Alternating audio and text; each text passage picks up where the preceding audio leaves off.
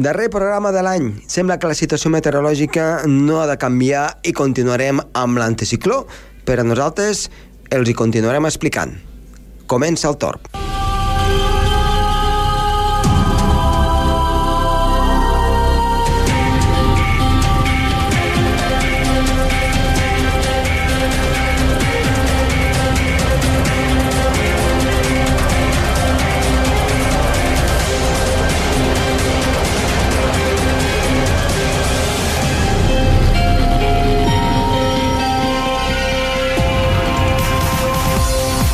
Tarda benvinguts al programator. Com cada dijous, doncs, estem aquí per explicar-los una miqueta de meteorologia amb els nostres col·laboradors en aquest darrer programa de l'any que sembla que, doncs, com hem dit, la situació meteorològica no vol variar. Malgrat tot, esperem doncs, que a poc a poc aquest temps tan ensupit canvi i aquest any 2017 es porti canvis importants. Som-hi!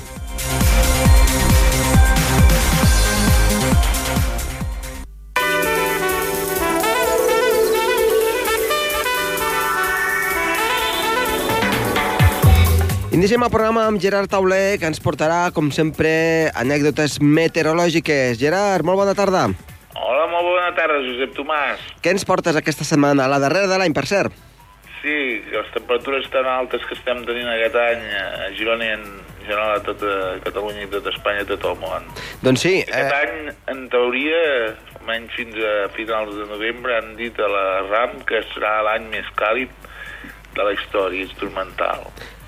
Va, això ho hem de, ho hem de matitzar, eh? Perquè ara, ara has dit una paraula... Les que... imatges de, de, de, satèl·lit. Uh -huh. eh, com, com bé has dit, eh? Perquè la gent ho, ting, ho tingui clar. De la història instrumental, vol dir des de que es tenen dades amb, amb aparells meteorològics. Sí, sí. Clar, perquè mm, el, el que ha passat... Sí, es tenen dades des de fa pocs anys, sí. Uh -huh.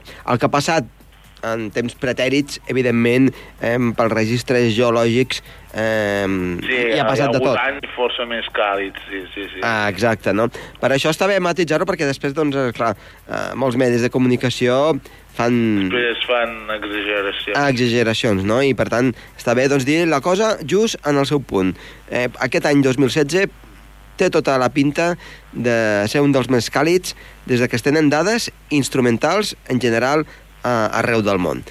I eh, avui ens has parlat justament d'aquest tipus de dades, però a la ciutat de Girona. Sí, a Girona la temperatura mitjana serà que serà la, la tercera més alta, amb 17,3 de mitjana. La tercera més alta és de 1884. Mm -hmm. I normalment, quina és la temperatura que hi havia hagut eh, fins ara? Al segle XX, 14,8, i aquest segle 21 al centre, la mitjana volta entre 16 en 6, 16 en 8. Per tant, eh, aquesta pujada és mm, força és important. És forta, és forta. Um, és, és degut també aquí a més edificacions, potser, més calefaccions? Sí, la illa de calor. Uh -huh. Per tant... I això que avui la temperatura ha baixat, eh? Avui, avui ha baixat. Hem tingut 1,2 al centre, que uh -huh. aquests últims dies teníem 3, 4 de mínima i avui ha baixat. Um, avui per... avui s'ha produït una forta inversió tèrmica. Els Àngels, aquí veig que han tingut 9 graus de mínima. Els Àngels és una muntanyata que està a prop de Girona, que uh -huh. és de 500 metres d'alçada, doncs hi ha hagut 9 graus. Uh -huh. eh, escolta'm, podem parlar doncs, de que potser aquestes dades mm, no són del tot correctes, amb el sentit de dir sí que estan sí, ben clar, mesurades? Sí, sí. Si observem la, les dades d'observatoris més perifèrics no, no hi ha tant escalfament. Mm -hmm. L'aeroport, per exemple, la temperatura mitjana del període 1971-2000 era d'uns 14,3 uh -huh. i ja del 81-2010 no, no, no ha pujat tant, 14,8. Uh -huh. Per tant, Um... Hi, ha, hi ha un efecte de calor molt important. Hi ha altres observatoris com el de Girona Velló, que abans no era urbanitzat, va, va escalfar-se un grau i mig entre el període de 1970 i 2010 per, per efecte de l'urbanització, també. Per tant, sí que podem agafar aquestes dades eh, agafant-les com valors del que les persones que viuen en, en aquests jocs... Ho perceben, sí. Ho perceben, sí. però en el conjunt global, evidentment, és una font més de calor que, que, que, que s'emet cap a, cap a l'atmosfera, però en, en una zona que no estigués urbanitzada i que no estigués No, no, influenciada... no s'ha escalfat tant, no. No s'ha escalfat pujat tant. tant la temperatura, no. no. Però i- igualment podem dir que s'ha escalfat una mica o no? Sí, sí, s'ha escalfat, sí, ja ho he dit, eh, entre 14 en 3 a 14 en 8, Uh -huh. Eh, tu, l'observatori de l'aeroport. eh, ja, ja sé que és molt complicat això, però vull dir, eh, quina creus que és la causa? O una de les causes, a part de l'escalfament global? Hi pot haver alguna altra causa A, a, local? l'Euro- a la ciutat? a, a part de la ciutat, a l'aeroport, a les zones perifèriques, aquest, aquest petit augment de les temperatures. En efecte global, en efecte global eh, afecta tant les màximes com les mínimes. Si Mhm. només fos, fos illa de calor afectarien només les mínimes, perquè les màximes han pujat. Abans a Girona, a l'aeroport, era difícil de que es passés de 37, i ara gairebé cada any es passa de 37. Uh -huh. Per tant, podem dir que eh, el, el, on veiem, on veritablement hi ha un augment de la temperatura és amb les màximes, no pas amb les mínimes, no? No, en, tot, en totes dues, però a les màximes s'observa fins i tot més que a les, a les mínimes. Uh -huh. Doncs Gerard, eh, moltíssimes gràcies per aquest apunt eh, meteorològic i que acabis de tenir un, un fi d'any i un bon començament Igualment, de bon- 2017. Bon, bon any. Gràcies, adeu-siau. Vinga, adéu, Josep Tomàs. Adéu, adéu.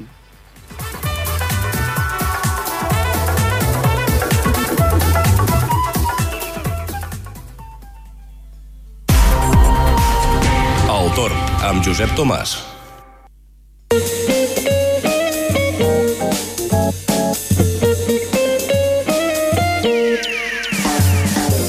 Doncs ara anem amb Roger Soler, que ens explicaré, com sempre, una mica de notícies meteorològiques que hagin succeït al llarg de la setmana, o si més no, que tinguin a veure amb el temps que ens està fent, que de moment és força avorridot.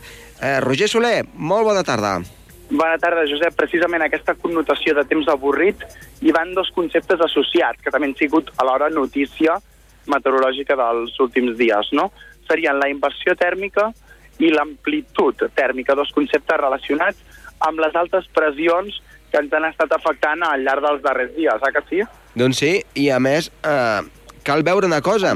Si mirem el mapa d'Europa, estem veient Sí. que tenim aquest mm, anticicló sud eh, situada a les Illes Britàniques i l'Europa occidental i que arriba Sí. més o menys fins a Alemanya, aproximadament. Exacte.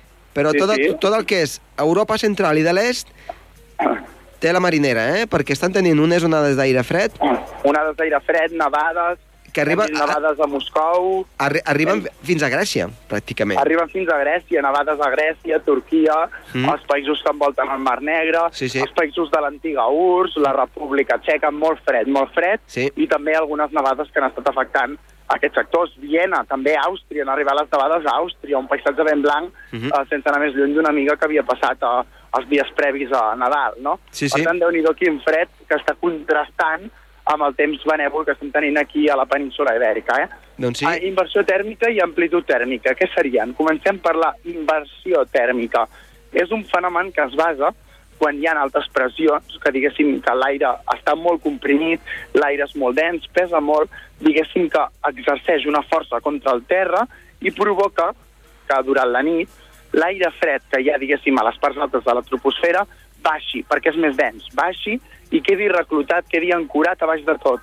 Aire fred i humitat. I, per tant, que passi més fred a les zones baixes, a les valls, a les fondalades, que no pas a les zones mitges i altes de les muntanyes. Per tant, és un fenomen que es dona bastant sovint. En dies de en dies d'anticicló d'hivern, ha Mhm. passat no, últimament aquí al Principat, Doncs sem- pràcticament doncs, cada dia eh, succeeix que la situació meteorològica és d'una una clara inversió tèrmica i, i dona doncs, temperatures fins i tot positives a mitja i alta muntanya i temperatures una mica negatives al fons de les valls. i allò que la gent no, no, a vegades no ho sap i ho veu estrany, no?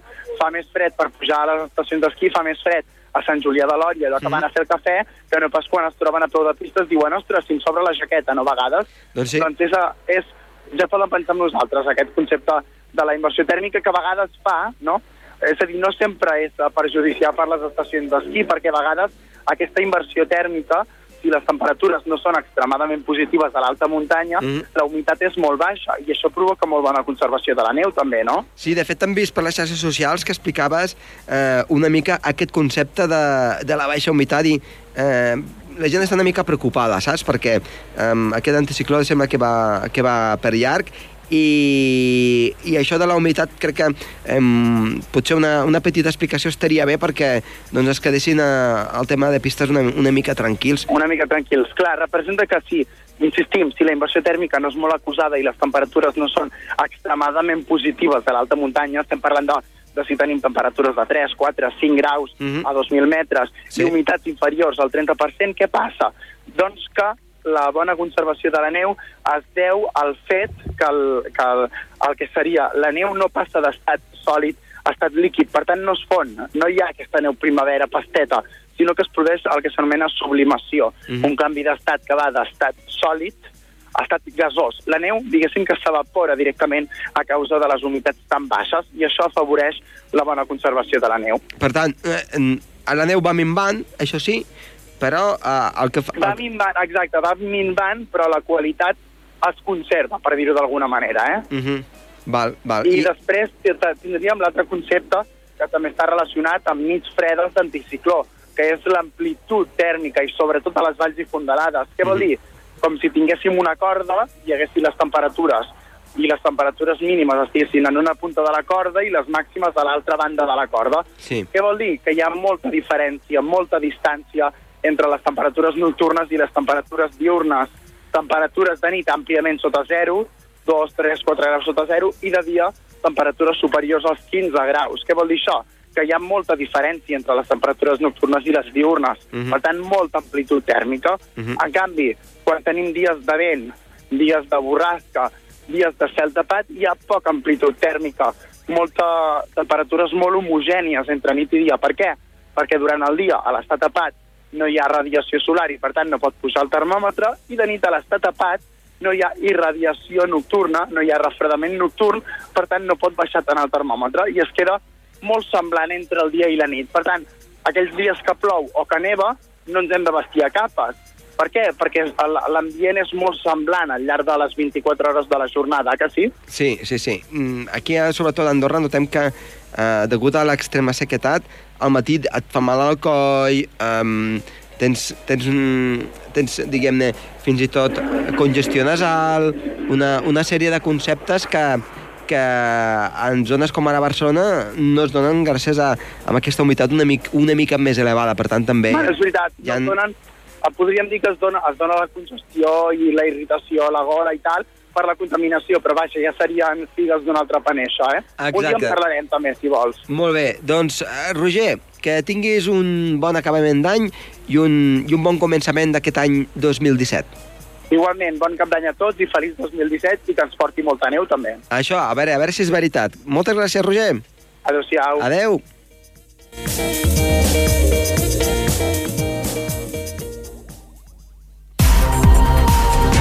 torn amb Josep Tomàs.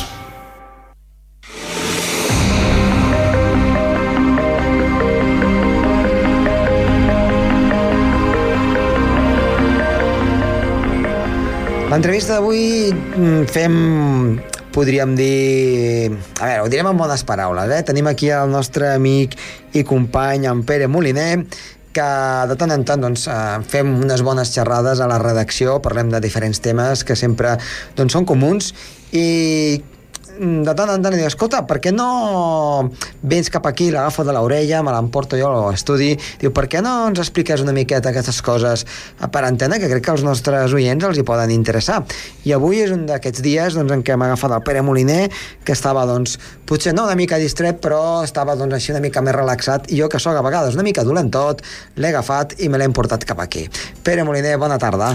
Bona tarda. I a mi, que no m'agrada, no n'hi no poc, no m'agrada xerrar d'aquestes coses, he És a dir, anem a parlar sobre una qüestió que crec que és molt interessant i que no ens parem gaire a pensar-hi, mm, sobretot sobre la immensa majoria de la gent.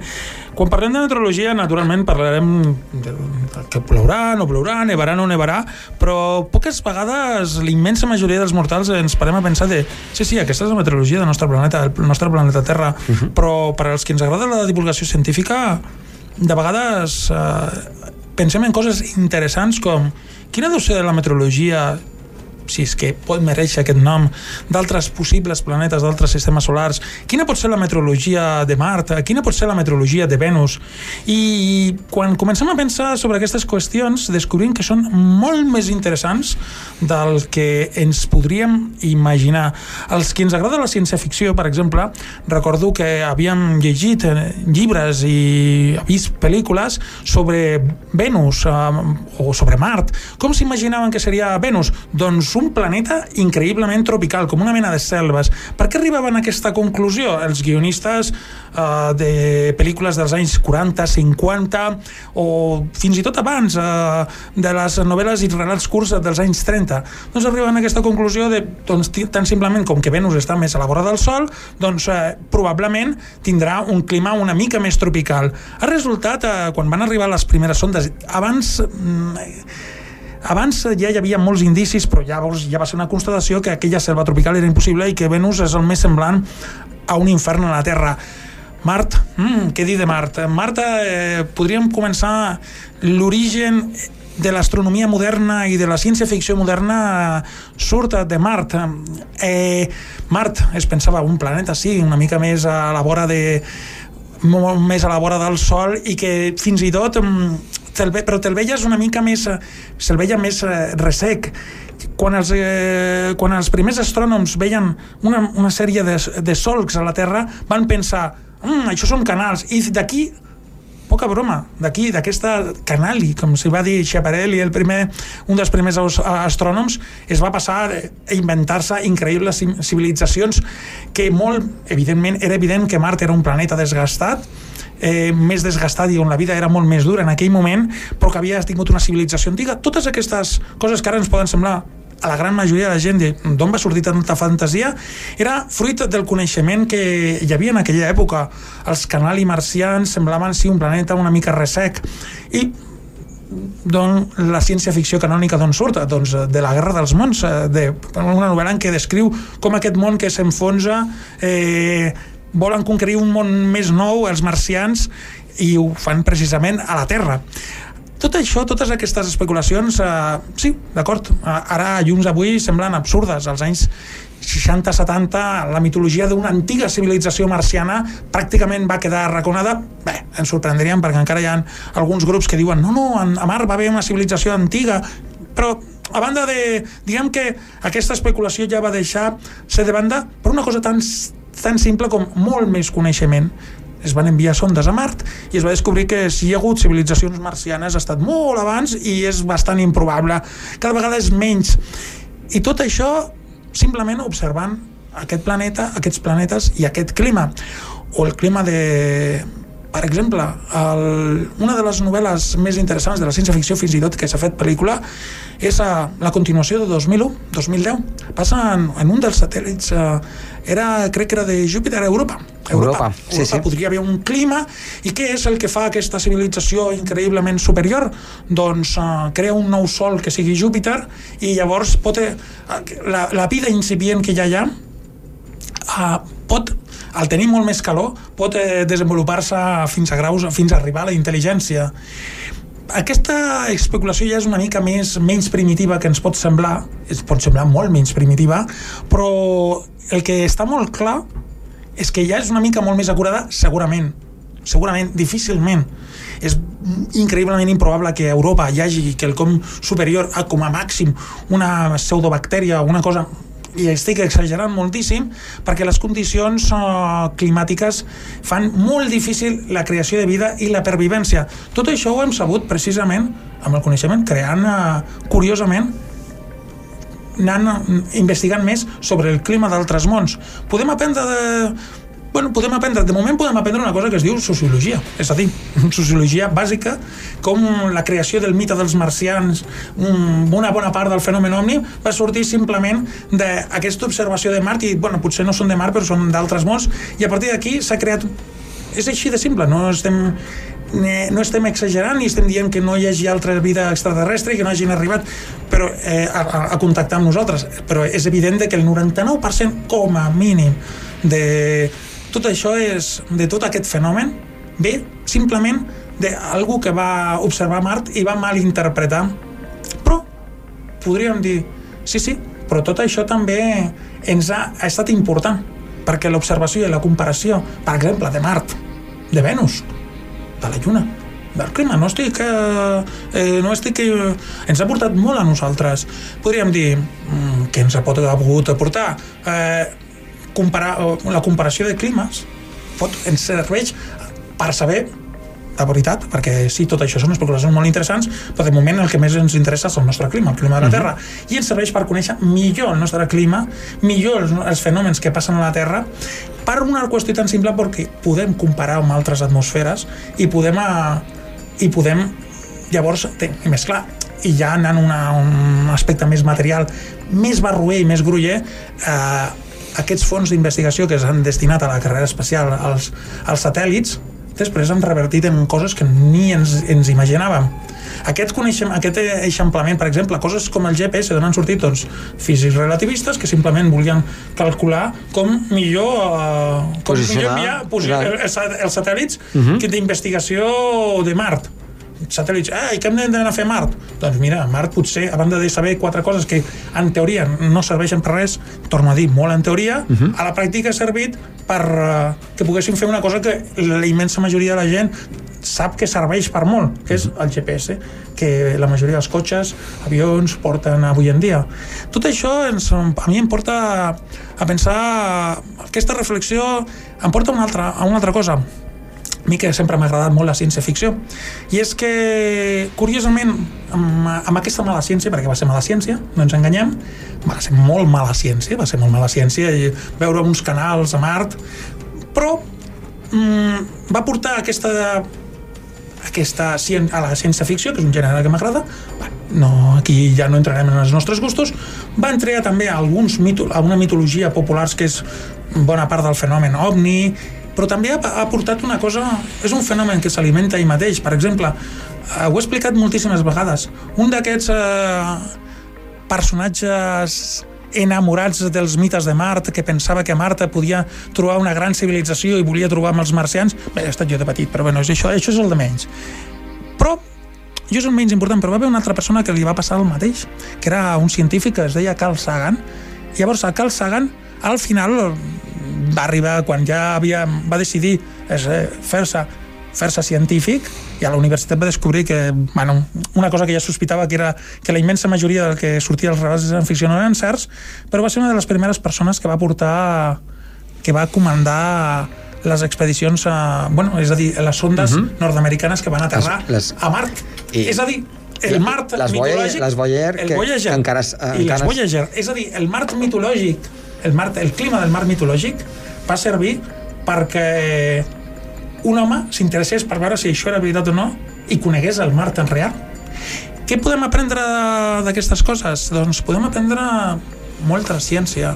Per exemple, quan a la pel·lícula Interestelar la pel·lícula Interestelar es, parla, es veuen diversos climes es fan un intent de veure diversos climes com serien un altre sistema extrasolar a centenars, milers de milions d'anys llum Mm, jo crec que la, la, s'intenta simular com podrien ser eh, un, un planeta que estigués a, al voltant d'un forat negre. Jo crec que aquesta especulació em sembla, avui, eh, en 100 anys ens semblaria tan primitiva com a la de Mart dins de 100 anys. Però hi ha una cosa que està molt clara mm, potser alguna persona que ens escolti o algú que ens succeeixi dins de 100 anys podrà anar, o mil, podrà anar empès per aquesta visió, conèixer altres climes, altres mons i sabrem molts més dels altres mons, però també del nostre. Pere, eh, queden moltes preguntes en l'aire i et convidem per una propera vegada per eh, continuar esbrinant doncs, tota aquesta ciència que ens has explicat. Gràcies i t'esperem una propera vegada. Així ho espero.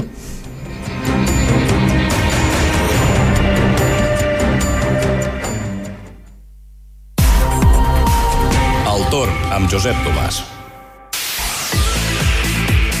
Doncs som-hi, acabem de veure unes, unes imatges de, en aquest cas, eh, les zones de les estacions d'esquí i tenen molt bon aspecte, tot i que no hagi nevat, perquè eh, tot i tenir l'anticicló, tot i haver inversió tèrmica, la humitat és baixíssima, eh, valors de, per sota del 20%, i això fa doncs, que la neu no es fongui. La neu es quedi en el seu lloc i únicament es vagi evaporant una miqueta per tant, eh, de moment aquesta és la bona notícia i que han de baixar les temperatures en aquests propers dies. Què ens ha de succeir? Doncs que tindrem anticicló fins l'any que ve. Per tant, la rebella de cap d'any, cap d'any, eh, s'espera una situació doncs, molt i molt tranquil·la, ideal per anar a la muntanya. Eh, no farà massa fred, però ens haurem d'abrigar. Doncs, eh, ja estarem a finals de desembre, principis de gener, i després, eh, potser la setmana que ve hi ha algun canvi. De moment, però, situació de màxima tranquil·litat, com diem, amb aquestes humitats força baixes i un descens de les temperatures.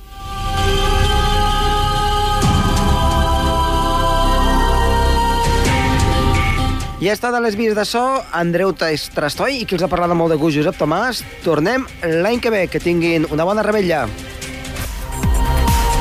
El torn amb Josep Tomàs.